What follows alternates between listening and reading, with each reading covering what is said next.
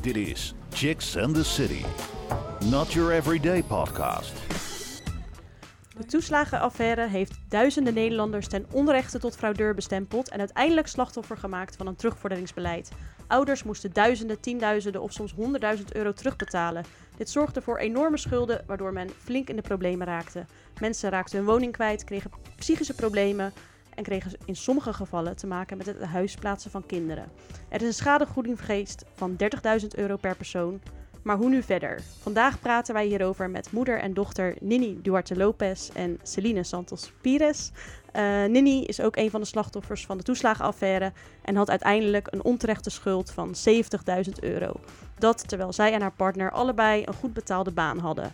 Om andere gedupeerden een hart onder de, onder de riem te steken zijn uh, Nini en Celine de Schaamte voorbij gestart. Een initiatief om andere gedupeerden ja, dus een hart onder de riem te steken en uh, gelijkstem, gelijkgestemden ook samen te brengen. Nou, daar gaan we straks uh, over, over horen. Maar allereerst uh, welkom Celine en Nini. Ja, dankjewel. Ja. Fijn dat jullie er zijn. de dames hier hebben interessante vragen voorbereid. Dus hou jullie vast.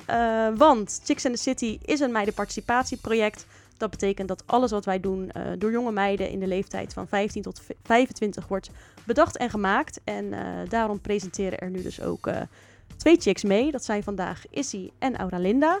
Issy, jij als eerste, stel jezelf even voor. hi, ik ben Izzy, ik ben 21 jaar. Dit is mijn derde podcast met Chicks in the City. Ehm, ik ben hier een jaar geleden gekomen en elke keer is leuk elke keer is leuk. Kijk, dat horen we graag. En wat vind je, wat vind je leuk om te doen bij de Chicks? Uh, eigenlijk alles wel. Het hele proces van uh, het beginnen van een idee tot aan het einde van een uh, presentatie of een podcast. Ja, mooi. Auralinda. Ja, mijn naam is Auralinda. Ik ben 20 jaar oud. Ik studeer rechten bij Hogeschool in Holland. En waarom ik vaak meedoe met Chicks in the City is omdat we vaak over interessante en intellectuele thema's praten. Dus ik vind het altijd leuk om mee te vragen en zo. Dus ja. ja. Heel goed, heel goed. Fijn dat jullie eh, er zijn. En ik denk dat er heel veel interessante vragen voorbij gaan komen. Um, luister je of kijk je en uh, denk je van... hey, ik zou ook wel een Chicks and the City chick willen worden... Want ik wil ook podcasts en tv maken. Laat het ons dan even weten. Dat kan door een mailtje te sturen naar info.chicksandthecity.nl. Geef even een leuke motivatie. En wie weet zit jij dan volgende keer bij ons aan tafel... en mag je ook goede vragen stellen aan uh, hele leuke gasten. Uh, om je een beeld te geven van wat we allemaal doen, laten we nu even een, uh, een wervingsvideo zien. Presenteren, interviewen, filmen en tv maken. Je leert het allemaal bij Chicks and the City podcast en Chicks on Screen. Kom weer door. Wat mis jij op tv en online? Welke onderwerpen krijgen te weinig aandacht in de media? En wat moeten Rotterdammers absoluut weten over hun eigen stad en hun inwoners? Wij, de meiden van Chicks and the City en Chicks on Screen, maken mediaproducties voor en door meiden van 15 tot 25 jaar uit Rotterdam en de regio Rijnmond. Oh ja, ik heb voorrang. Onder begeleiding van professionals werk je in een echte redactie aan jouw eigen tv-serie en podcast. Hoe tof is dat? Ben jij nieuwsgierig en wil je meer leren op het gebied van media? Laat het ons weten. Een glimmick toevallig? Wat moet je doen? Stuur ons een video waarin jij jezelf voorstelt en laat weten waarom je mee wilt doen. Stuur het naar info@chicksandthecity.nl of naar een van onze social media kanalen.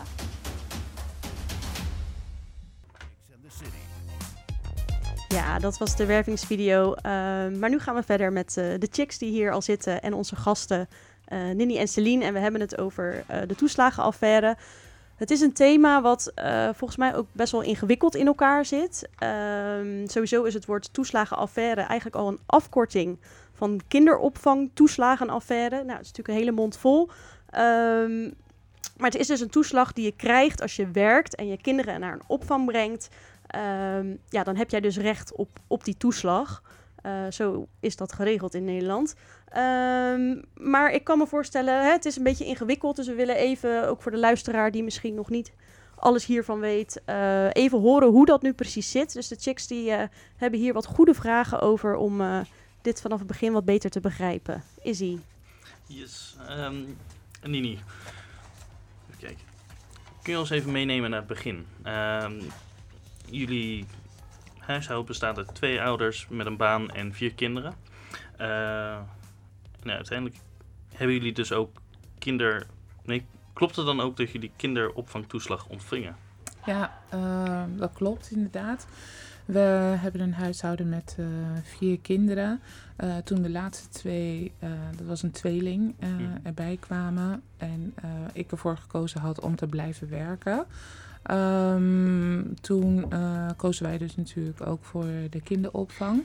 En um, ik werkte toen 32 uur en mijn partner werkte 40 uur in de week. En ja, zodoende zaten de kinderen best wel lange dagen en, veel uren op de kinderopvang. En dan is het zo geregeld in Nederland dat je ook van de overheid een stukje tegemoetkoming krijgt, zeg maar. Um, neem niet af dat je natuurlijk ook zelf nog een stukje moet betalen. Dus je krijgt zelf ook nog een vacature. En uh, op het moment dat wij uh, dus onze kinderen inschreven um, om dus naar de opvang toe te gaan, mijn dochter Celine, die naast me zit, die was al wat ouder. Dus het ging echt om de drie laatste kinderen. Um, toen, ik ben het heel even kwijt. Dus wij kozen ervoor om onze kind naar de kinderopvang te, te sturen of te brengen. En um, toen wij daar kwamen, toen vroegen ze aan ons van... Um, want je kon de belasting teruggave of toeslag, zeg maar, die kon je laten verrekenen, zeg maar, met de factuur die je had. En dat kon dan direct middels of via de kinderopvang of dat je eerst dat geld zou ontvangen en dat je dan dat weer zou verrekenen met de kinderopvang. en wij hebben altijd heel erg geloofd dat organisaties uh, ja, geen fouten kunnen maken en dat de overheid het allemaal goed doet, zeg maar. Dus uh, om ons uh, die administratie, om onszelf van die administratie te ontlasten, hebben wij er destijds voor gekozen om alles gewoon via de kinderopvang die wij toen hadden, alles te laten regelen. Dus wij kwamen alleen maar met onze loonstrookjes en dan gingen zij alles invullen en nou, dan werd het geregeld. Ja, precies. Dat is misschien ook. Is dat vergelijkbaar als je ehm, naar een zorgverzekeraar soms gaat? Als ik naar de tandarts ga, dan um, moet ik een bedrag betalen, maar een deel daarvan betaalt mijn zorgverzekering. Klopt. En dan zegt mijn tandarts: wie is jouw verzekeraar? En dan hoef ik inderdaad heel die rekening niet te zien. Dan wordt dat onderling geregeld. Klopt. En dan had je dus uh, een andere optie. En dat was dan bijvoorbeeld in deze dan dat de zorgverzekeraar dus het geld naar jou overmaakt. En dat je het bij wijze van spreken naar je tandarts overmaakt. Maar daar hebben wij niet voor gekozen. Wij wilden gewoon dat het linea recta door de Belastingdienst uh, naar de kinderopvang zou gestuurd worden. Precies. Dus ja, wij hebben jarenlang hebben wij, gedacht dat het allemaal goed ging. Ja, ja. En dat eh, gaat volgens mij om best wel wat bedragen. Want um, ja, je zegt zelf, uh, we, we, werkten allebei uh, flink wat uren. Meerdere kinderen. Nou ja, volgens mij is dat tegenwoordig, tegenwoordig en destijds kinderopvang hartstikke duur. Klopt. dus dan hebben we het niet over een paar tientjes, maar dan hebben we het al snel over ja, duizenden euro's volgens ja, mij. Ja, zeker. Ja, op jaarbasis zeker. En per maand honderden euro's. Dus Ja. en dat loopt dan op een gegeven moment heel snel op. Ja. Oude Linda. Ja, op, op, uh, op een gegeven moment bleek het dat het mis was. Wanneer was dat moment en kun je dat nog goed herinneren? Uh, dat was uh, ongeveer in 2013. Um, toen kreeg ik dus prompt van de Belastingdienst kreeg ik, een aantal brieven waar dan verschillende bedragen onder stonden. Ze hadden dat ook in drie dossiers hadden ze dat zeg maar opgesplitst. Dus ik kreeg een bedrag van 27.000 nog wat. En um, die andere twee bedragen, wat dan in totaal 41.000 euro was, die zijn dan opgesplitst ook, zeg maar. Dus de, de drie aanslagnummers, zeg maar. Um, dus uiteindelijk was de som was rondom de 41.000 uh, euro. En dat kreeg je gewoon op één dag binnen via Ja. de post op een brief. Ja, ja. Dus, uh, en wij dachten van, wat is dit? Hoe kan dit? Waarom moeten wij Ja. zo'n groot bedrag gaan terugbetalen? Wat voor gekke huis is dit? Dus ja, en vanaf dat moment ja, heeft ons leven een totale andere wending gekregen. Ja. Ja. Oude Linda. Of sorry, is hij... Je kreeg toen ook eh, de stempel fraudeur. Of is dat later pas gekomen? Nee, ehm, dat wisten wij niet. Wij wisten Mhm. niet. eh, we hadden echt totaal geen flauw idee eh, wat er aan de hand was. Dat we zoveel moesten terugbetalen. Ehm, dus wij zijn natuurlijk naar de Belastingdienst gegaan. En toen hebben we gevraagd van ja, wat is dit? En eh, eh, hoe komt dit? En we hebben eigenlijk nooit antwoord gekregen. We kregen al heel snel kregen we al allerlei aanmaningen. En dat we dus dat bedrag moesten betalen. Dat we moesten reageren. Dat we, het, dat we dan maar een betalingsregeling moesten treffen. Want ja, je krijgt echt gewoon een cheque, weet je, waar dan 27.000 euro op staat. Hè? Echt gewoon alsof je dat even kan betalen.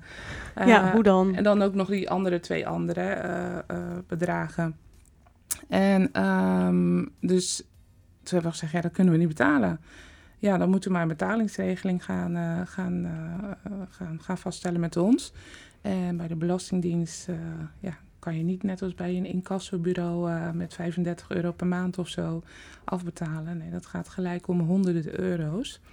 Dus eh, ja, dat zijn we dan ook maar gaan doen. En ondertussen zijn we ook op zoek gegaan naar antwoorden, maar we kregen gewoon nergens antwoord. Het Nergens was- antwoord. Nee, we kregen nergens antwoord. En onze financiële situatie stapelde zich op, omdat we dus, we hadden een commitment, waren we aangegaan met de belasting om zoveel honderden euro's per maand terug te betalen. Maar dan zit je ook nog met je vaste lasten Mhm. natuurlijk. En ehm, nou, dat ging al heel snel eh, heel fout, zeg maar. Want ook al heb je eh, twee inkomens, je weet tegenwoordig gaat een groot deel van je inkomen gaat dus naar de vaste lasten. Dus en als je je huur al, eh, hè, wat dan op dat moment dan de grootste vaste last is. Ehm, kijk, je kan misschien je, je Eneco kan je misschien Mhm. nog een beetje een paar maanden, maar zodra eh, de huur eh, drie maanden achterloopt, dan wordt het wel heel erg lastig. Dus eh, ja, ik ben gewoon. dat gebeurde ook. En incassobureaus kwamen natuurlijk al heel snel bovenpoppen. Deurwaarders kwamen aan mijn deur. Eh, loonbeslagen werden er gelegd. Dus ik kwam eigenlijk in een soort spinnenweb van... Ik heb overal eh, ben ik aan het afbetalen.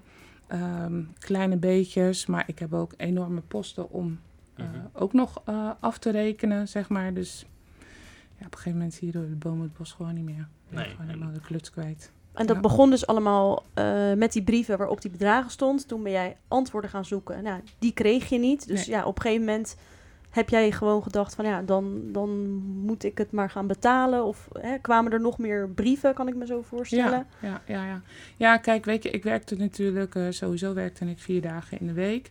En ik werkte toen in de zorg. En dan heb je natuurlijk je onregelmatigheidsdiensten. En je wordt heel veel gevraagd om natuurlijk extra te werken.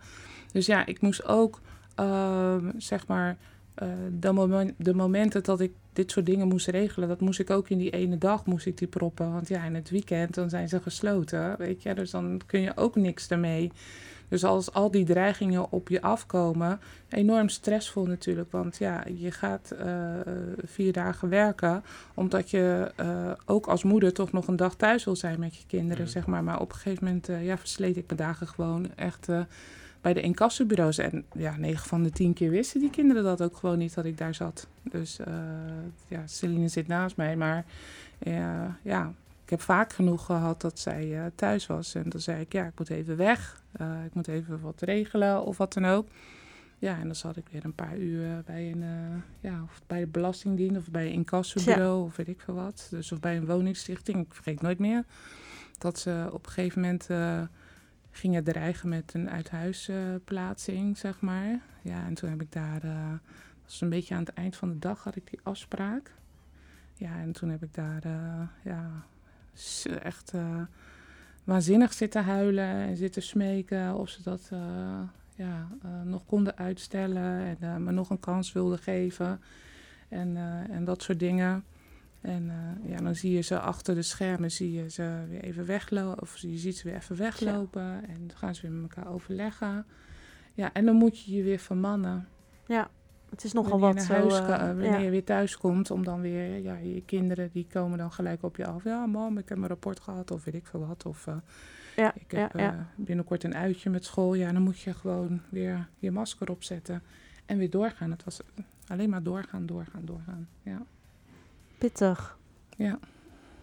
Uh, uiteindelijk hadden jullie een schuld van 70.000 euro. Was die schuld er een van de een op andere dag? Hoe is het verlopen? Ja, zoals ik al zei, het uh, begon zich op te stapelen, zeg maar. En um, op een gegeven moment, uh, ja, al kort nadat we dus die drie bedragen kregen, zeg maar. en wij natuurlijk in alle el eerst probeerden ervoor te zorgen dat er rust zou komen. Um, werden we op een gegeven moment uh, geadviseerd om naar de kredietbank uh, toe te gaan, zeg maar. En want daar was dan een traject. Ja, als je nooit met die dingen te maken hebt gehad, dan weet je ook bijna niet dat die dingen bestaan, zeg maar. Weet je wel, een kredietbank. En nee. nou, je komt in een wereld terecht dat je denkt van, oké, okay, wat is dit allemaal? En um, nou, toen zijn wij dus uh, naar de kredietbank gegaan en toen hadden ze gezegd van, ja, jullie schulden zijn, want gaan je dan ook beoordelen? Ze willen alles van je weten. Je moet echt uh, zelf naar al die deurwaarders toe gaan. Je moet naar de belasting toe gaan. Ik heb meerdere keren de belasting moeten aanschrijven. Of ze even rustig aan konden doen. Want ik was het allemaal aan het regelen voordat ze dus weer inderdaad beslag gingen leggen of ik veel wat. Dus dat moest ik allemaal zelf doen. Mijn man uh, was nog niet zo lang in Nederland en die was de taal nog niet zo machtig. En die Mhm. kende het hele systeem ook helemaal niet, zeg maar. Dus eh, ja, alles kwam op mij terecht. En ehm, toen hadden ze dus de eerste keer hadden ze gezegd van, nou, we kunnen je eh, vanuit, het, eh, vanuit de kredietbank heb je een minderlijk traject. Dat organiseert de kredietbank zeg maar zelf met jou. Maar je hebt ook de WSNP. Dat eh, gaat dan eh, via de bewindvoering. Ik weet niet of jullie daar wel eens van gehoord hebben. Dan krijg je een bewindvoerder en dat gaat via de rechtbank. Dus je moet ook bij Ja, dat is dan iemand die over jouw geld gaat beslissen, toch? Alles wat je uitgeeft. Ja, dus klopt. ja, dat, dat wil je natuurlijk ook niet. Nee, en dan ga je dus drie jaar in zo'n traject. En eh, daar gaat het nu niet over vandaag, maar daar valt heel veel over te zeggen. Hmm. Want dat is echt een vreselijk traject. Ik denk dat de mensen die daar nu in zitten en dit horen, dat eh, absoluut met mij eens zijn, zeg maar. Want ik denk, ja, niemand wil afhankelijk zijn, zeg maar. En zeker niet van iemand die, eh, die je eigenlijk niet eens kent en die dan beslist ehm, elke cent wat binnenkomt, eh, hoe dat uitgegeven moet worden. En dan krijg je ook nog eens een keertje met een heel gezin krijg je 40 of 80 euro per week toegekend. Weet je, om dan maar rond te komen. En als je een keertje een nieuwe matras nodig hebt, dan moet je alsjeblieft gaan vragen of je dan eh 100 euro mag om een nieuwe matras te kopen. En dan kan het ook nog zo zijn dat die bewindvoerder zegt: Ja, sorry hoor, maar 100 euro gaat niet, eh, vind ik. Eh, dus je moet maar een matras van 50 euro gaan zoeken. Dus Ja, zo eh, afhankelijk word je gewoon van eh, dat systeem. Schrijnende Ja. verhalen. Ja. Dus eh, ja, wij zijn dus op een gegeven moment wel de WSNP in, eh, ingekomen. En we hadden een hele nare bewindvoerder. Een hele nare meneer was dat. Hij is bij ons thuis geweest ook. En waarom was die zo naar? Ehm, zijn hele persoonlijkheid. eh, je zag dat het iemand was die ehm, zijn werk waarschijnlijk heel goed weet hoe hij dat moet doen, zeg maar. Ehm, hij had ook een bepaalde automatisme in zijn stem van hoe hij dingen Mm. bracht. Eh, totaal niet menselijk. Het was net een robot, was het. En ehm, de dingen die hij zei toen hij bij ons thuis was, elke keer als er wat uitkwam, dacht ik echt van: oh, ik zak dieper de put in en dieper en dieper en dieper. Mijn situatie gaat helemaal niet beter op worden. Ja, misschien dat ik over drie jaar dus schuldvrij ben, weet je, maar hoe ga ik mijn kinderen te eten geven? Hoe ga ik met mijn kinderen eh, een keer naar eh, een dierentuin? Of eh, hoe kan ik naar een Kaapverdiaanse bruiloft gaan of zo, weet je, met mijn hele gezin? Ja. Daar zou absoluut geen ruimte voor zijn. Dus om een lang verhaal maar kort te houden. Op een gegeven moment zag ik dat, dat dat niet voor ons werkte. Dus toen ben ik eruit geknepen. Hmm. Ja, op een gegeven moment heb ik niet meer gereageerd op hem. Ehm, ik weet het ook niet meer zo goed hoe het is. En eh, wat gebeurde er daarna dan? Ehm, ik ben eigenlijk nog in mijn eh, herstel van dit alles. Ben ik op zoek naar antwoord. ehm, van hoe dat toen eigenlijk allemaal gelopen is. Heel veel gedupeerde eh, spreken over eh, gaten in het geheugen, Mm, ja. zeg maar. Over dingen die je eigenlijk niet meer zo goed eh, kan herinneren, hoe dat nou heel gedetailleerd Ja. is gebeurd. En dat komt door al die stress en al dat. eh, Stress. En het is ook gewoon best wel wat, wat jaren geleden waar we het over hebben. Dus ja, ik weet ook niet meer wat ik Nee. vijf jaar geleden op eh 5 april gedaan heb. Nee, precies. Dus wij zijn er dus wel tussenuit geknepen. Op een gegeven moment hadden we weer eh, controle over onze eigen eh, financiën, voor zover dat er financiën was, zeg maar. Ehm, en eh, toen gingen we eigenlijk, eh, hadden mijn man en ik afgesproken dat we het weer zouden proberen om het allemaal zelf Hmm. te managen, zeg maar. Hè, dus eh, daar afspraken maken, daar afspraken. Maar we moeten er wel voor zorgen dat we onze vaste lasten kunnen beta- blijven betalen, zeg maar. Maar dat ging al heel snel ook weer mis. Want in Nederland kennen we ook een systeem dat als één dossiertje is afbetaald, dan popt er wel weer een ander dossiertje boven water. Want ze wisselen natuurlijk al die ehm eh, factures of, of eh, eh, die bedragen die ze dan moeten innen, die wisselen ze ook uit met of eh, ze wisselen niet uit, maar die komen dan weer terecht bij andere incassobureaus. En ja, het is, Het is een ingewikkeld een heel. spelletje eigenlijk. Ja, ja, het is echt een spin. Ja, ja een web in. Ja. Is hij? Eh, je gaf het net al aan, eh, maar naast de financiële problemen waren er ook andere negatieve effecten natuurlijk. Eh, kun je omschrijven wat voor negatieve, effecten dit op je gezin had? Eh, nou, ik was ehm, ook daar komen steeds meer herinneringen van naar boven. Eh, ehm, ik durf wel te zeggen dat ik ook een tijd gewoon geen leuke moeder ben geweest. Ik, ik ervaarde heel veel stress. Ehm, ik heb eh, vaak bij, me, bij huisarts aangeklopt dat ik eh, hartkloppingen had, eh, hyperventilatie. Ehm, dus ik kreeg fysieke klachten, kreeg ik. Nou, slapen was is al jaren al best wel een ding bij mij. En het is dat ik eh, dat mijn kinderen me eigenlijk op de been hielden. Want als je dan zoveel financiële problemen hebt, ja, dan heb je op een gegeven moment ook gewoon geen zin meer.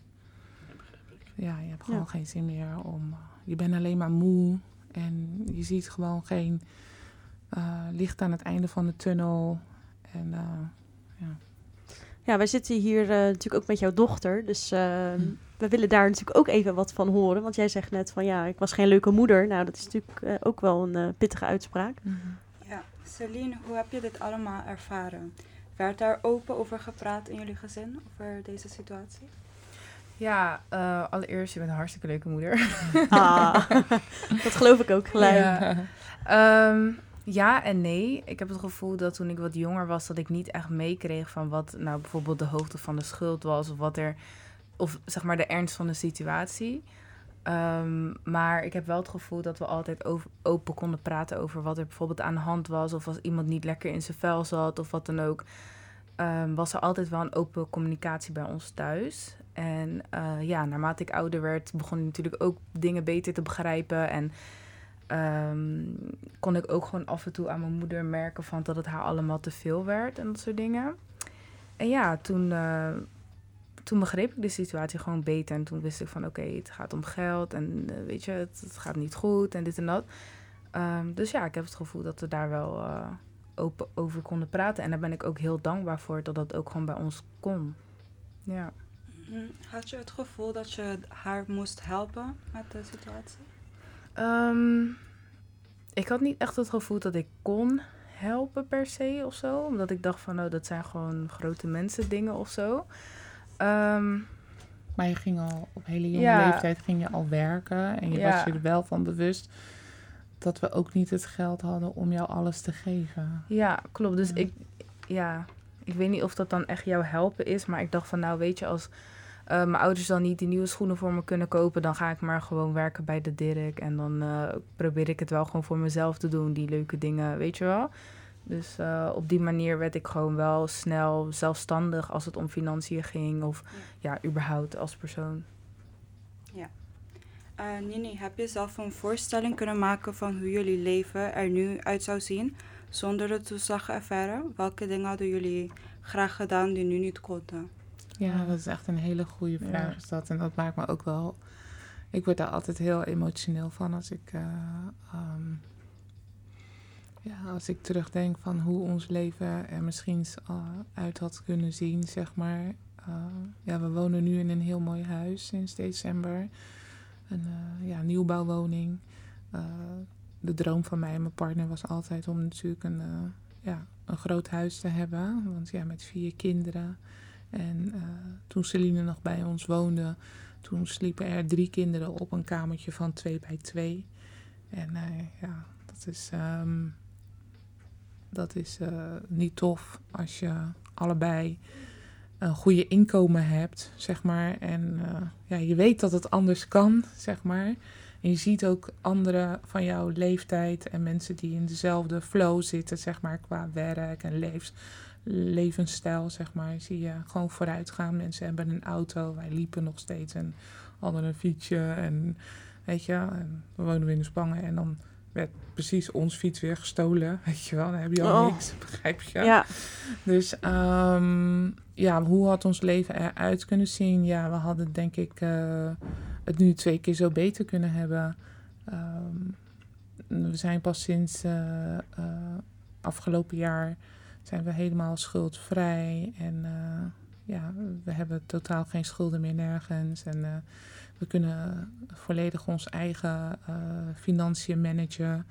En uh, we hebben gewoon tien jaar niet uh, dat kunnen doen. En wat eigenlijk nog meer het meeste pijn doet, is dat in de periode dat de kinderen dus aan het opgroeien waren. En dat je, ja, ons zoontje die hield, die houdt heel veel van voetbal. ja, die hebben we nooit hij heeft het wel geprobeerd, maar ook weer door financiën en je hebt geen auto, weet je wel. Ja, konden we het gewoon um, uh, niet volhouden om hem op voetbal te, te, te, laten. We hebben een dochter die heeft genetische obesitas. Die had al van jongs af aan al uh, uh, drie keer per week moeten sporten. En ehm, daar was dan geen, geen geld voor. Er dus was dat... geen geld voor. Fabienne, onze middelste dochter, die kan prachtig zingen, weet je wel. Ze is enorm talentvol. Uh, we hebben haar nooit uh, een zangles kunnen aanbieden. nu is ze bijna twintig. kijk, als je dan een jaar of 13, 12 bent, weet je wel, dan kun je nog een beetje je kinderen echt pushen van je gaat gewoon elke week naar die zangles, weet je. Ja, Tot je twintigste. Ja.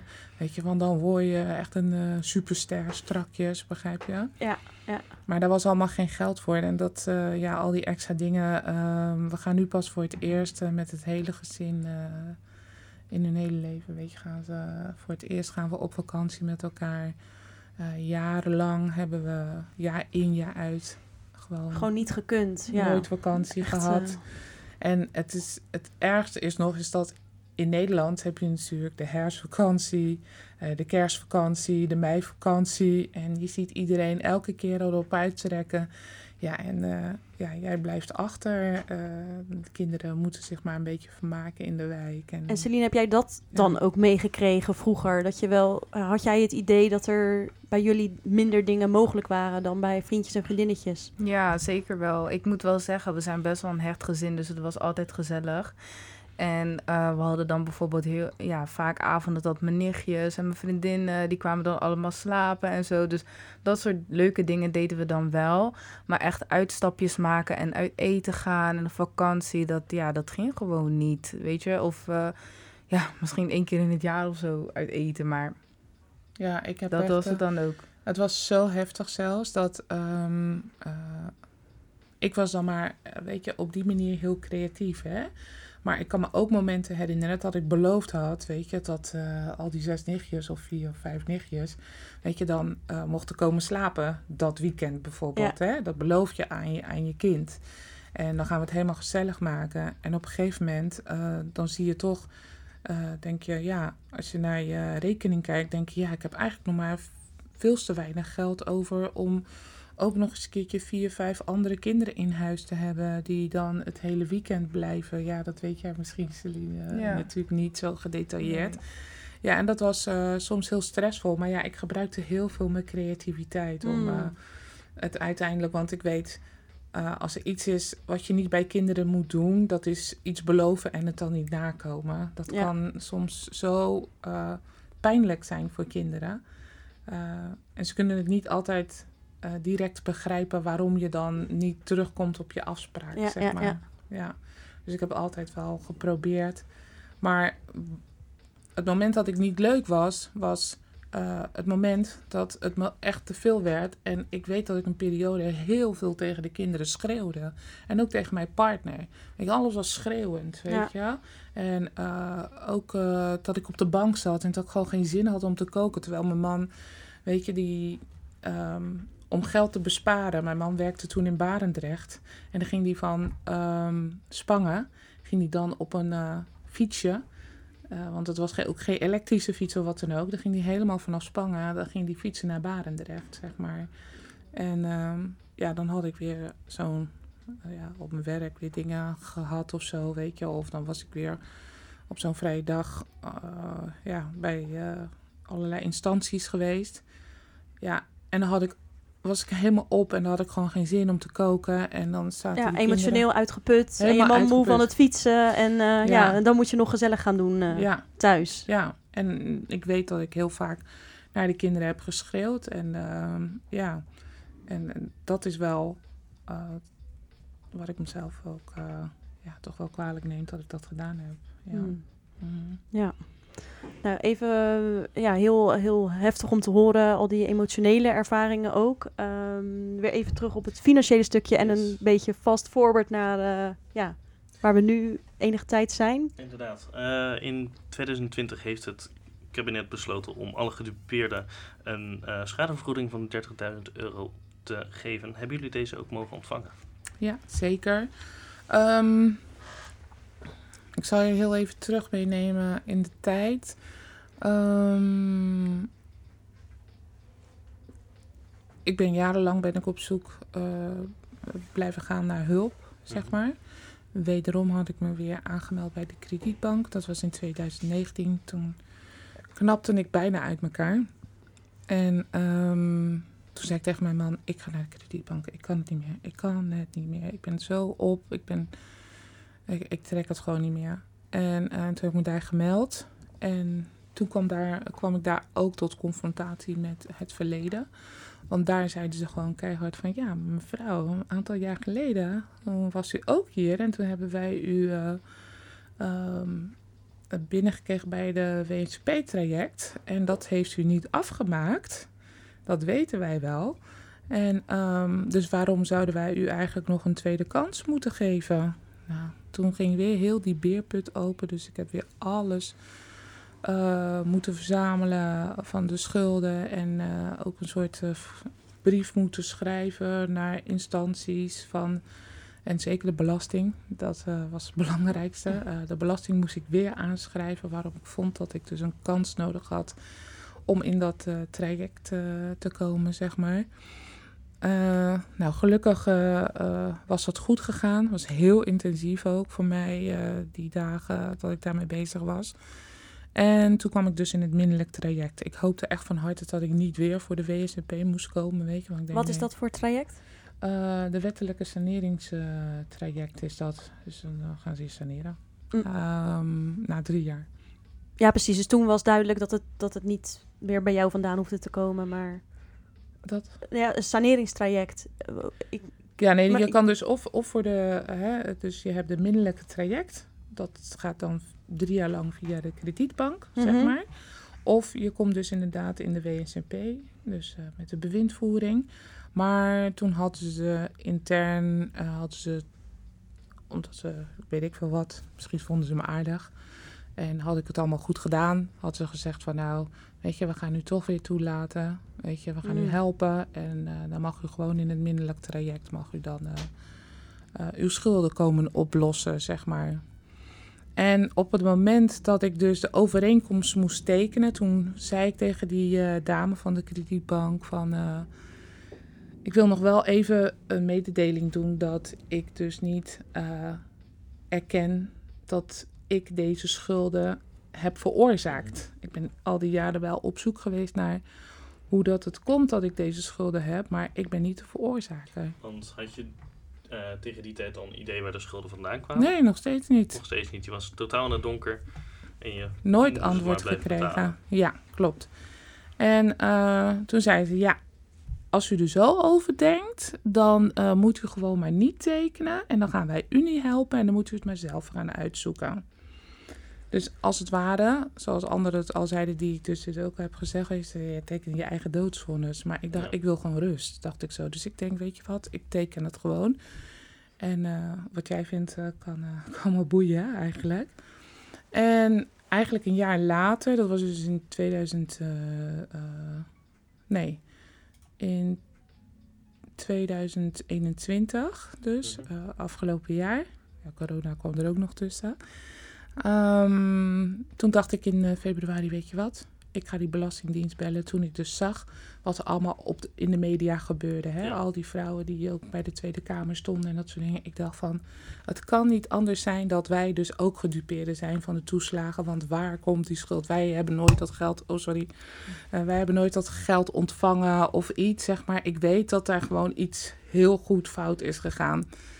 En toen zat ik in mijn eigen huis en ik was zo geïndoctrineerd door die mensen van eh, de kredietbank en al die mensen. Die allemaal weer dingen tegen jou gezegd hadden Ja. waarvan jij al dacht, dit, dit Ja. is raar. Dus ik zat met mijn eigen telefoon in mijn woonkamer, zat ik eigenlijk met trillende handen. Toen belde ik dus de eh, eh, Belastingdienst. Ja. En toen kreeg ik, nou wonder boven wonder, een hele lieve, zachte stem. En ik zeg, mevrouw, ik bel u, want eh, ja, ik heb een enorme schuld bij de Belastingdienst. En ik wil heel graag weten of ik ook tot die groep mensen behoor die nu allemaal op tv komen, weet je. Ja. En toen zei ze, nou, dat ga ik voor je uitzoeken. Zei ze zo, kan even een paar maanden duren. Maar je gaat op een gegeven moment antwoord krijgen. Nou, tussendoor werd ik ineens gebeld van... eh, ja, heeft u wel eens van de Belastingdienst een telefoontje gekregen... of brieven gekregen over eh, de verblijfsvergunning van uw partner? Hebben ze daar vragen over gesteld? Ik zeg, ik weet echt niet waar u het over hebt. Ik zeg, ik heb nog nooit... Ik ben nog nooit benaderd door de Belastingdienst in het kader van de verblijfsvergunning van mijn partner. Dus ze zei, nou oké, zegt ze. Nadat we even met elkaar hadden gesproken, ze zegt, ik weet genoeg. Nou, en kort daarna kwam de brief van eh, toen eh, staatssecretaris mevrouw Van Huffelen, waarin stond dat ik dus eh eh, gedupeerde ben Hm. van de toeslagenaffaire en dat ik 30.000 euro zou gaan krijgen. En hoe lang he- heeft het geduurd voordat je dat antwoord had, zeg maar? Eh, dat was in mei. In mei. En ehm, je kreeg de eerste brief hoeveel jaar eerder? Van, eh, Van de Belastingdienst, ja. dat was eh, in, in 2013. 2013. Maar dat moment is, heeft wel iets betekend voor jou, denk ik. Want eh, tot die tijd had je geen erkenning dat, dat jij het bij het juiste eind had. En die brief was misschien wel een, een bevestiging van... hé, hey, dit ligt inderdaad niet aan Nou, mij. ik moest die brief natuurlijk wel 30 keer lezen, hè? Ja. Dus ik kreeg ook een telefoontje van diezelfde dame van de kredietbank. Die zegt zo, we hebben bericht gekregen van de Belastingdienst, zegt ze. "Eh, ja, u bent gedupeerde van de toeslagenaffaire. Ik zeg, ja. Ik zeg, ik had u het toch verteld toen ik moest tekenen dat het gewoon niet klopte. En dat ik niet erkende dat ik dus eh, die schuld, dat ik, eh, dat ik dus de veroorzaker ben van die schuld. Zegt ze, ja, je had het echt eh, goed eigenlijk, weet je. Ik zeg, Maar stel je voor, hè, dus die persoon wilde mij ook niet helpen, ook om het uit te zoeken, zeg maar, destijds. Hè. Dus we moesten allemaal maar gewoon zelf uitzoeken. Ja, en toen heb ik wel heel fijn hulp eigenlijk van hun gekregen. Eh, dat was eigenlijk meer in de vorm van, ja, we vinden het toch wel heel vervelend dat u dit is overkomen. Hm. En we gaan u nu wel helpen om eh, zo snel mogelijk eh, uit deze situatie Je had wel het idee komen. dat ze ja, een soort van omdraaien, de andere pet op kregen van hé, hey, uh, dit Ja. is misschien niet helemaal eh, mevrouw de eigen fout. Nee, ja, dus we kregen die brief van eh staatssecretaris Van Huffelen... en waarin stond dat we die 30.000 euro kregen. Ja, en toen gingen we ook nog tien keer nadenken van... ik hoop maar dat het klopt en dat ze niet ineens volgende week een brief sturen van... nee, sorry, het was toch een foutje, weet je, we hebben het niet goed gedaan. Nou, en ehm, ik was heel even in het buitenland... en toen kreeg ik het bericht van dat dus de 30.000 euro eh, gestort eh, zou worden, zeg maar. Dus dan had ik ook nog steeds zoiets van gaat dat echt gebeuren, weet je wel? En klopt dat allemaal? Het is echt te bizar voor woorden. Mhm. En ehm, ja, en toen gebeurde het. Toen hadden we ineens eh, ja, 30.000 eh, euro op onze rekening. En kreeg ik de brief dat al onze schulden kwijtgescholden zouden worden. En dat we linea recta uit het minderlijk traject zouden komen. En al het geld wat ik had opgespaard sinds 2019, wat na drie jaar naar de deurwaarders moeten, zeg maar, of naar de eh, schuldeisers, excuus. Eh, dat kreeg ik ook nog boven die eh 30.000 euro. Dus dat was echt een bizarre wending van, mijn, van ons leven eigenlijk. Ja. Ja, en nog steeds is het, ja, ik wil niet zeggen onwerkelijk, maar nog steeds is het, eh, ja, ineens van de een op de andere Mhm. dag draait je wereld zo 180 graden. En wij moesten in die periode, moesten wij dus, eh, eh, afgelopen jaar moesten we dus ook verhuizen, omdat ze ons huis gingen slopen. Och. Dus wij kregen 30.000 euro en we waren uit de schulden. En we kregen ook nog eens een keertje een mooi huis. althans, we kwamen in aanmerking voor een mooie woning. Eh, Dus dat coronajaar was voor jullie een, eh, een heel fijn jaar. Ja, dat was eh, echt een twistjaar gewoon. Een twistjaar, ja, dat is een ja. mooie. Maar wat het meest pijnlijke van dit alles eigenlijk is, is dat het jaar daarvoor. mijn vader en mijn moeder zijn altijd mijn steun en toeverlaat geweest. En ik heb altijd alles met mijn vader kunnen bespreken. Want ik moest het met mijn partner delen. Eh, en ik moest ook met mijn ouders delen. Want ik, wij hadden ook periodes dat we echt heel erg financieel moeilijk hadden. Mhm. En dan sprongen mijn ouders sprongen bij. Hm. En mijn ouders zijn vanaf dat moment ook elke week hè, dat oma eh, fruit kwam brengen en zo. Dat kwam natuurlijk ook uit die periode. Eh, want de kinderen die moesten fruit blijven eten. Weet je wel? Ja. Dus, ehm, ehm, en mijn vader is toen overleden in, in 2020. En ik heb het hem nooit kunnen vertellen. Van, ja, zie je, je dochter... Ik, ik denk dat mijn vader ook heel vaak heeft getwijfeld... ja, wij zijn hun allemaal mee bezig, weet Ja. je wel? Hoe kan dat? dat? Dat zij in zo'n situatie terecht zijn gekomen. Mijn vader vond het eh, ja, heel pijnlijk om te horen dat wij... eh, ja, zulke financiële noden hadden. Ja, precies. Dat wil je als ouder natuurlijk ook niet Nee. eh, horen. Nee, zeker niet. En toen Celine uit eh, huis ging, want zij besloot dus eh, uit huis te gaan. eh, toen hebben zij eigenlijk eh, ja, grotendeels, eh, en, en de rijbewijs, dat hebben opa en oma ook eh, ja, voor jou geregeld. Klopt. En dan sta je erbij als ouder en dan kijk je ernaar en dan denk je, ja, dat wil jij eigenlijk Ja, als precies. ouder Dat doen. wil jij eigenlijk. eh, Dus ik heb het mijn vader nooit kunnen vertellen. Dus eh, ja, hij is overleden. En eh, ik heb hem niet kunnen vertellen van dat het eh, ja, ja. aan de Belastingdienst eh, lag. Pijnlijk. En ja, je bent nu met zoveel eh, mooie dingen bezig. Daar Ja. wil ik eigenlijk ook even naar, eh, naartoe. Mhm. Dit is Chicks and the City. Not your everyday podcast. Want tijdens mijn intro noemde ik het al even. Jullie zijn eh, ook een initiatief gestart. Dat heet eh, De Schaamte Voorbij. Eigenlijk om lotgenoten samen te brengen. En eh, ja, ook elkaar een hart onder de riem te steken. Er is een videoclip gemaakt met de titel Strijders. Om aan heel Nederland te laten zien wat gezinnen hebben moeten doorstaan in de periode dat zij ja, in zeer problematische schulden leefden. Door toedoen van de Belastingdienst. Ehm, er wordt ook binnenkort een lotgenotendag georganiseerd. Ehm, ja, je, je doet zoveel, jullie doen heel veel. Klinkt ontzettend interessant. Eh, daar willen wij graag wat meer over horen. Dus ehm, daar hebben de chicks nog wat vragen over. Ehm, nou ja, dus jullie initiatief heet eh, De Schaamte Voorbij. Waarom die naam? Ehm, nou ja, om aan je ehm, herstel te kunnen beginnen, weet je, moet je een paar dingen moet je echt overboord gooien. En eh, wat eh, bij mij eh, vooral heeft gespeeld, is dat ik me enorm heb geschaamd gedurende al die jaren.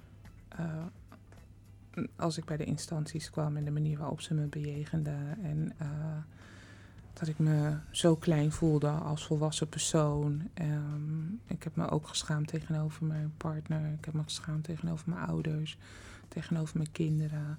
Ehm, ja, je voelt je eh, in ieder geval eh, door de overheid en de instanties voel je je zo gecriminaliseerd en zo vernederd eigenlijk, weet je. Dus ehm, ik heb die schaamte heb ik eh, overboord gegooid.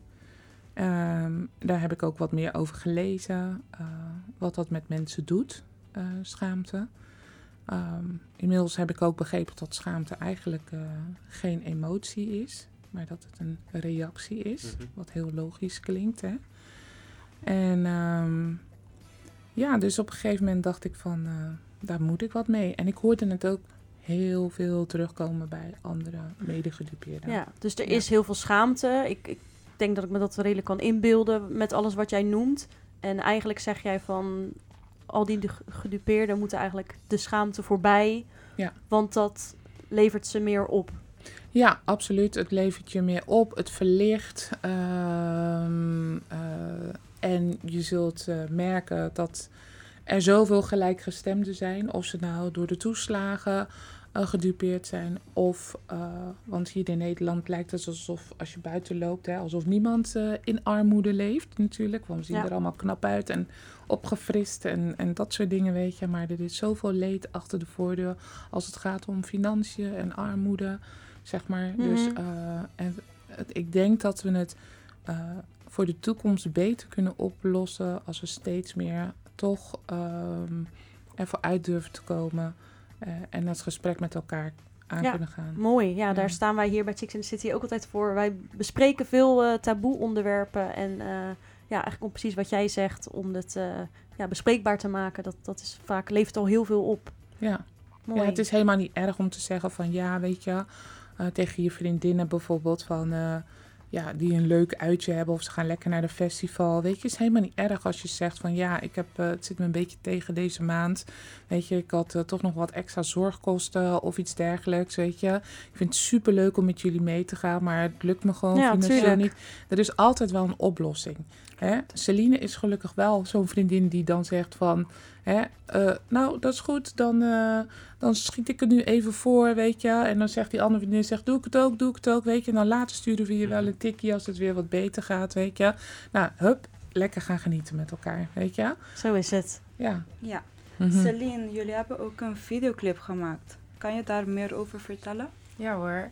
Eh, ja, nou ja, mijn moeder die kwam dus met het idee om iets creatiefs mee te doen. En ehm, toen had ze dus, omdat ik zeg maar ook naast mijn werk wat productiedingetjes doe en me er ook graag mee bezig ga met videoclips, had ze dus mij en eh, Mike Sterrik gevraagd, ook een filmmaker waar ik toen eh, mee samenwerkte. En ja, toen zijn we eigenlijk het proces gestart. We hebben heel veel gebrainstormd over het idee. Hoe gaan we dit af, aanpakken en hoe, hoe willen we dit naar buiten brengen, zeg maar. Eh, want het is toch wel echt een zwaar onderwerp. Ja. Ehm, maar goed, we wilden het ook gewoon persoonlijk maken. Dus wat we hebben gedaan is, eh, we hebben een aantal situaties die gedupeerde gezinnen hebben meegemaakt, hebben we dus eigenlijk nageboot met ehm, acteurs. En daarmee hebben we gewoon een verhaal verteld om eh, mensen te laten zien hoe dat dan daaraan toe gaat. En daarnaast hebben we ook een mooi nummer, die is geschreven door mijn moeder en samen met Julie Minkwell, prachtige zangeres. Eh, ja, en de tekst die sluit helemaal mooi aan. En eh, ja, het is echt gewoon een strijdersnummer. We hebben het ook vaak gedraaid eh, tijdens manifestaties en protesten en zo. Dus ik, ja, ik hoop dat het mensen steun geeft. Ehm, ja, en laat zien wat de situatie gewoon is voor de mensen die, die er van buitenaf naar mm, kijken, zeg maar.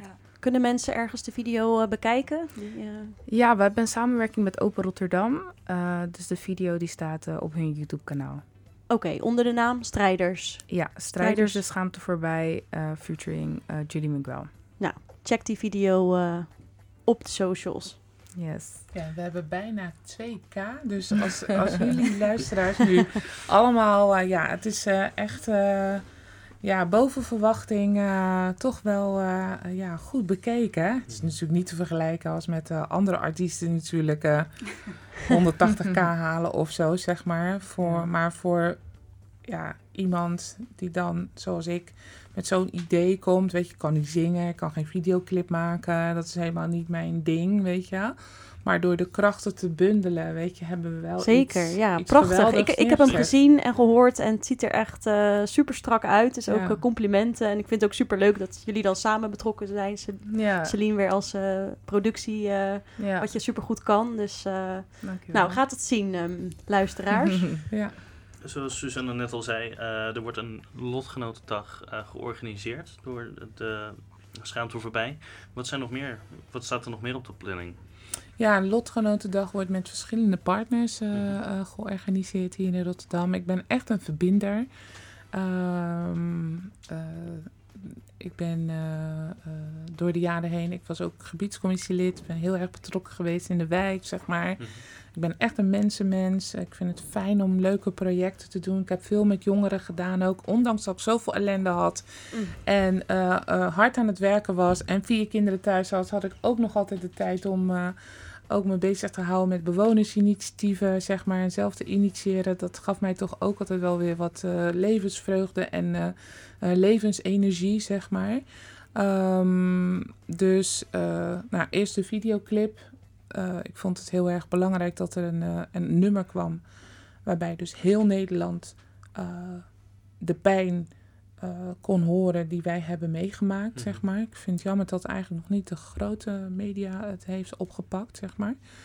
Ehm, en vervolgens dus nu dan eh, de Lotgenotendag, ehm, de Rotterdamse Wijktheater, die in het verleden dus vaker mijn kinderen hebben gevraagd om mee te doen. Een hele fijne eh, ja, organisatie, zeg maar, die zich echt bezighoudt eh, met de mensen in de haarvaten van die straten van Rotterdam, zeg maar. Dan maken ze mooie theater, levenstheaters maken ze daar eigenlijk eh, mee. Eh, volkstheater.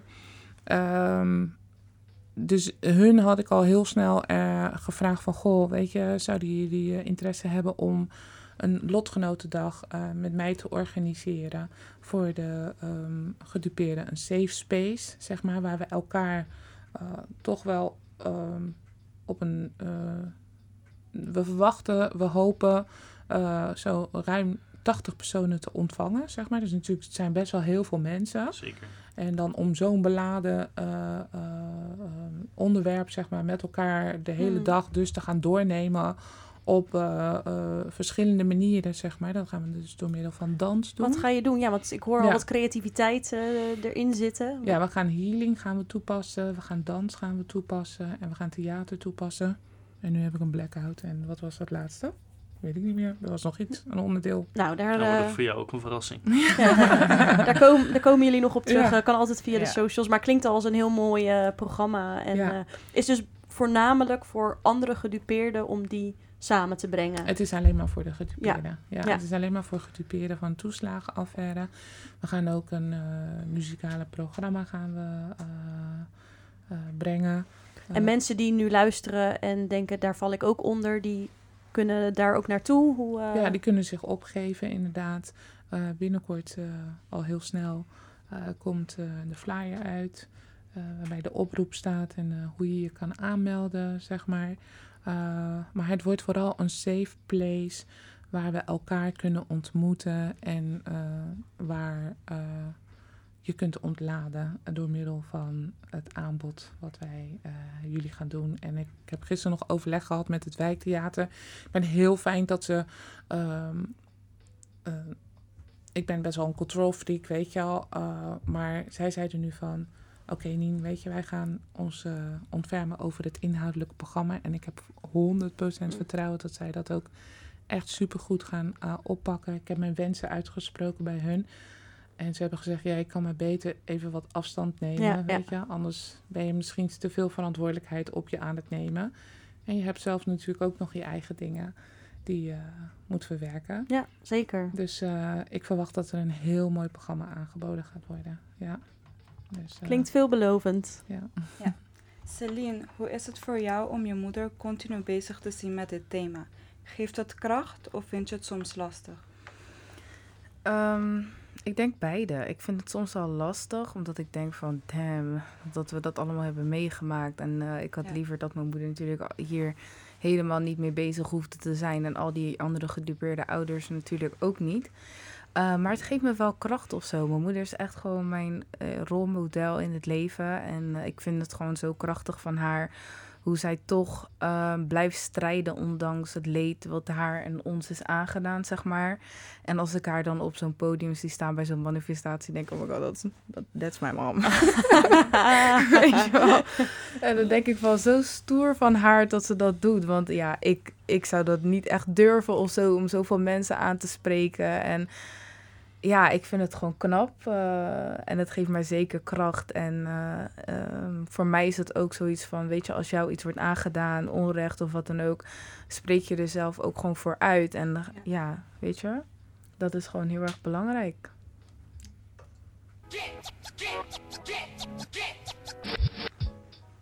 Izzy.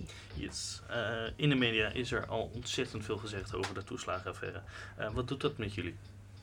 Nou ja, het is overwhelming eigenlijk. Het is echt een tsunami aan informatie. Uh, voor ons die dit hebben moeten doorstaan. Uh, soms zien we ook door de bomen het bos niet meer qua mm-hmm. proces, zeg maar. Wij zitten nu, uh, waar wij nu zitten, is dat we dus de lichte toets hebben we gehad. Ja. En de lichte toets heeft gezegd, u bent gedupeerd van de toeslagenaffaire. Hier heeft u 30.000 euro. U bent uit de schulden. En uh, ga nu maar ademhalen, zeg maar. Uh, maar daar laten wij het natuurlijk niet bij zitten. Daarvoor is de integrale onderzoek, uh, zeg maar, voor in het leven geroepen. We hebben nu een advocaat die door de gemeente wordt betaald. Die hoeven we niet zelf te betalen. En die is samen met de persoonlijke zaakbehandelaar die je krijgt van de Belastingdienst zijn ze eigenlijk ons dossier helemaal uh, boven water aan het halen en te kijken waar het fout is gegaan. En op basis daarvan uh, kunnen ze dan weer uh, een oordeel, een, een, iets gaan zeggen over de werkelijke schade die wij hebben ondervonden al die jaren. En daar gaan ze dan ook weer een, ja, een, een bedrag aan hangen. Ja. Maar ja, zoals ik al eerder al zei, van het leed wat wij hebben meegemaakt en al die verloren jaren, zeg maar. Dat is meer dan alleen financieel. Absoluut.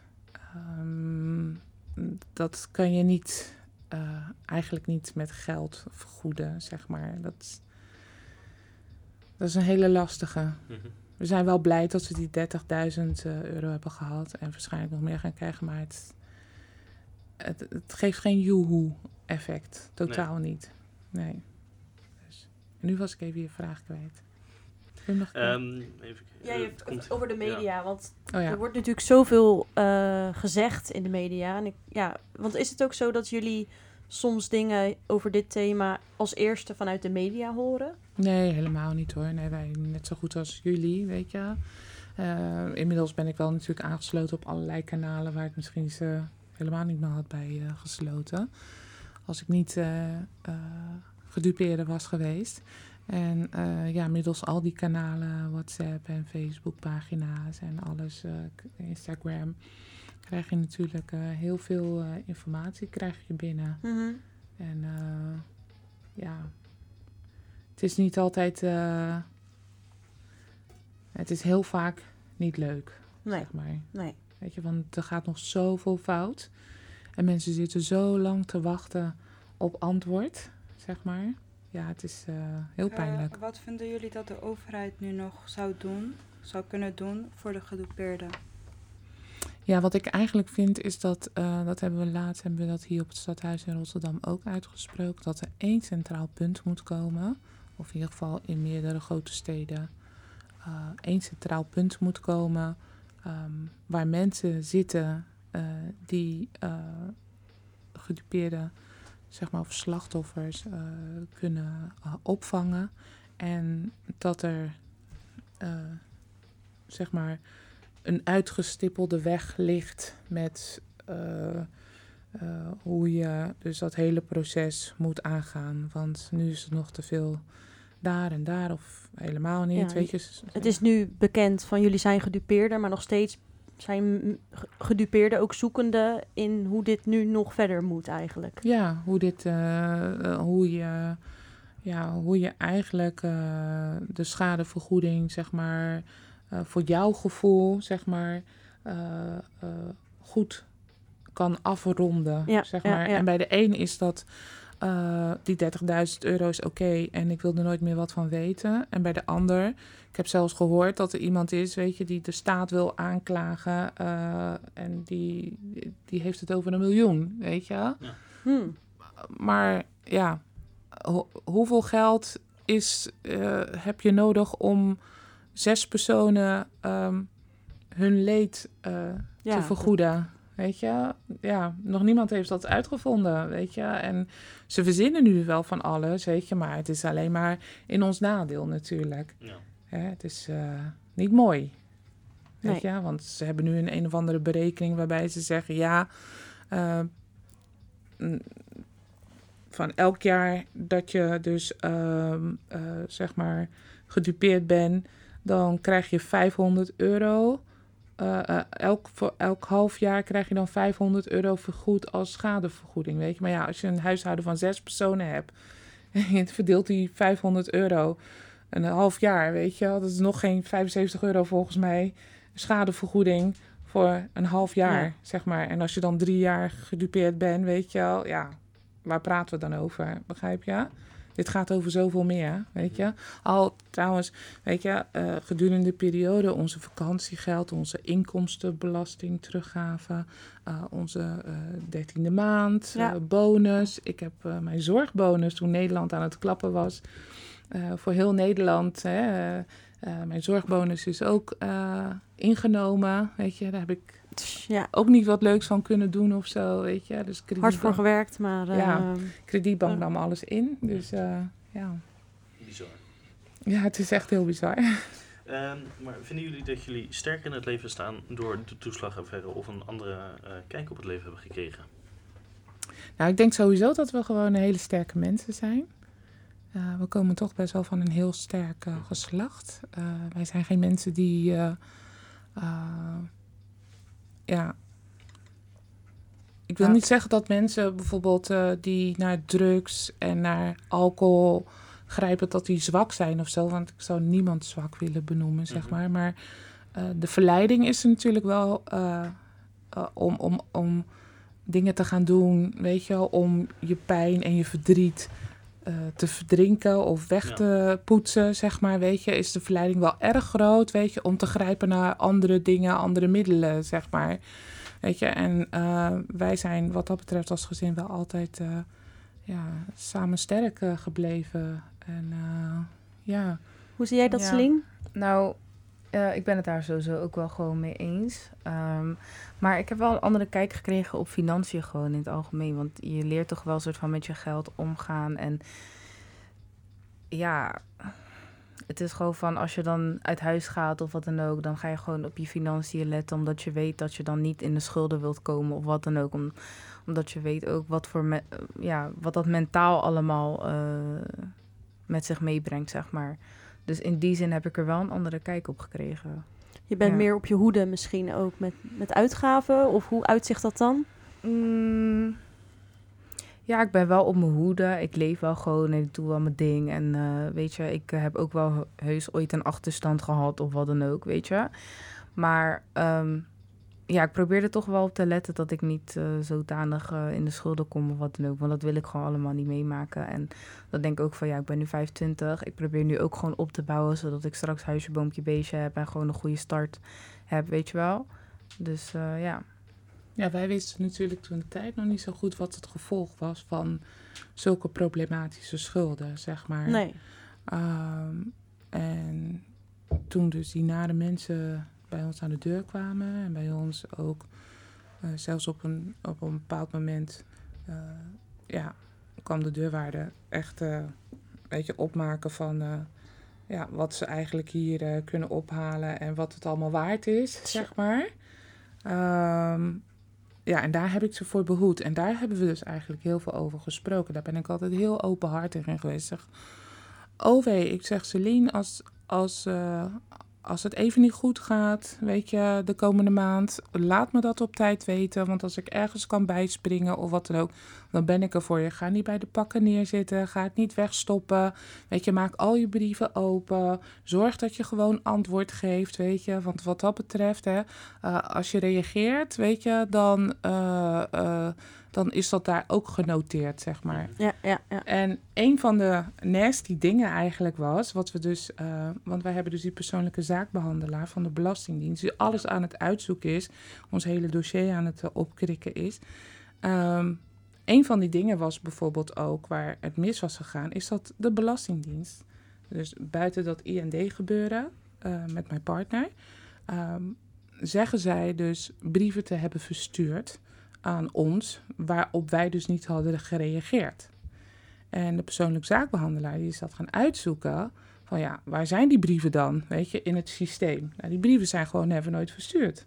Maar er is wel een soort van communicatie daar intern geweest dat, dat ze brieven hebben verstuurd waar wij niet op hebben gereageerd. En omdat we dus niet op tijd hebben gereageerd, hebben ze ons uh, kinderopvangtoeslag op nul gezet, want ja. we zijn waarschijnlijk niet te vertrouwen. Mm. En over die fraudelijst trouwens, ja. wat je benoemde, dat heb ik ook opgevraagd.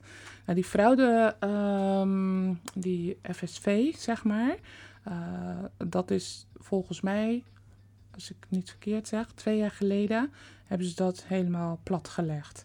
Dus um, ik heb het nu opgevraagd van, goh, uh, heb ik ook op die fraudelijst gestaan? Toen heb ik een brief gekregen van. Um... Dat was de lijst die met het etnisch profileren te maken had? Nee, nee, nee. Iedereen kan gewoon opvragen of je op een fraudelijst staat. Op een fra algemene fraudelijst? Ja. Uh, het is niet één fraudelijst trouwens. Er zijn veel meer in Nederland. Uh, maar die FSV is er onder andere eentje van, zeg maar. En bij hun heb ik dus opgevraagd van... Uh, sta je daarop? Sta ik daarop? En toen hebben ze gezegd dat ik er niet op sta. Maar omdat dat systeem dus helemaal plat is gaan liggen, zeg maar... kunnen ze ook niet voldoende achterhalen uh, ja, ja. of ik er ooit ze op Ze weten het niet. Nee. Surprise, surprise. Dus... En uh, wat willen jullie aan andere luisteraars graag meegeven? Celine? Ja, het is uh, bijna, we zijn bijna rond. Dus ik denk uh, misschien nog even een, uh, een goede les of iets wat jullie graag nog willen delen met, uh, met de luisteraars. Ja, uh, de les die ik er zelf ook heb uitgehaald, dus wat ik net uh, ook had gezegd, is laat je stem gewoon horen altijd. Als je het gevoel hebt dat je er niet mee eens bent of er is jou onrecht aangedaan, laat het horen, laat het weten.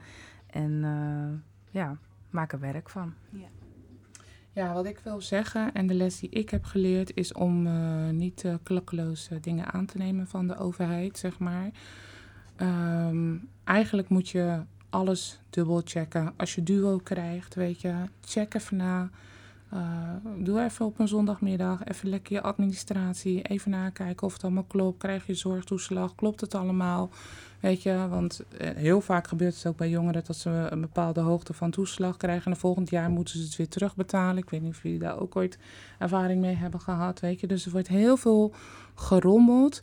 En um, wat ik daarmee wilde zeggen is dat uh, je moet je digitale versie, jij bent, je bent eigenlijk ben je twee personen in deze wereld. Je bent een digitale versie en je bent jouw eigen van vlees en bloed, zeg maar. Mm-hmm. En je digitale versie, weet je, is iets wat binnen een systeem uh, komt, ja. zeg maar. Maar je moet er niet klakkeloos van uitgaan dat dat systeem ook helemaal uh, klopt en uh, dat het goed is wat ze doen allemaal daar.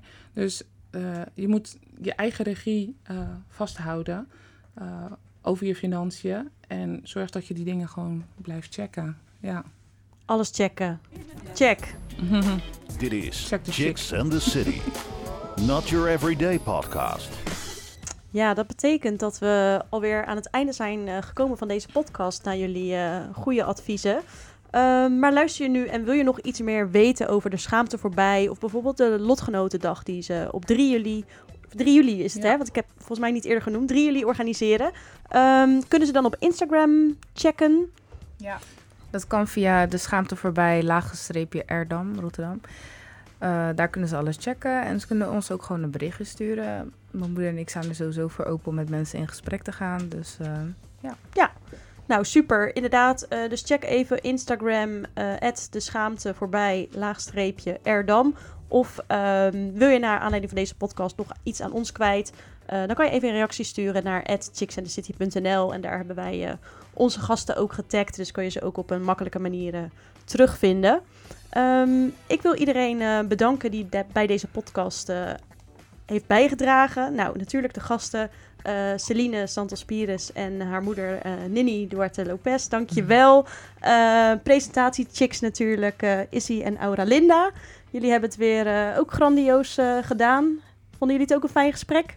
Ja. Zeker bedankt voor jullie openheid ook over het uh, ja, zeker moeilijke onderwerp. Ja. ja, dankjewel. En achter de schermen uh, hebben we nog uh, Jamie en Mout die ook hier hebben voor gezorgd dat het alles in goede banen is geleid. Dankjewel. Mijn naam is Suzanne Brusker en tot de volgende podcast. Chicks and the City. Volg ons op Instagram. Chicks and the City Podcasts. Like ons op facebook.com slash. De volgende show? Lees het op chicksandthecity.nl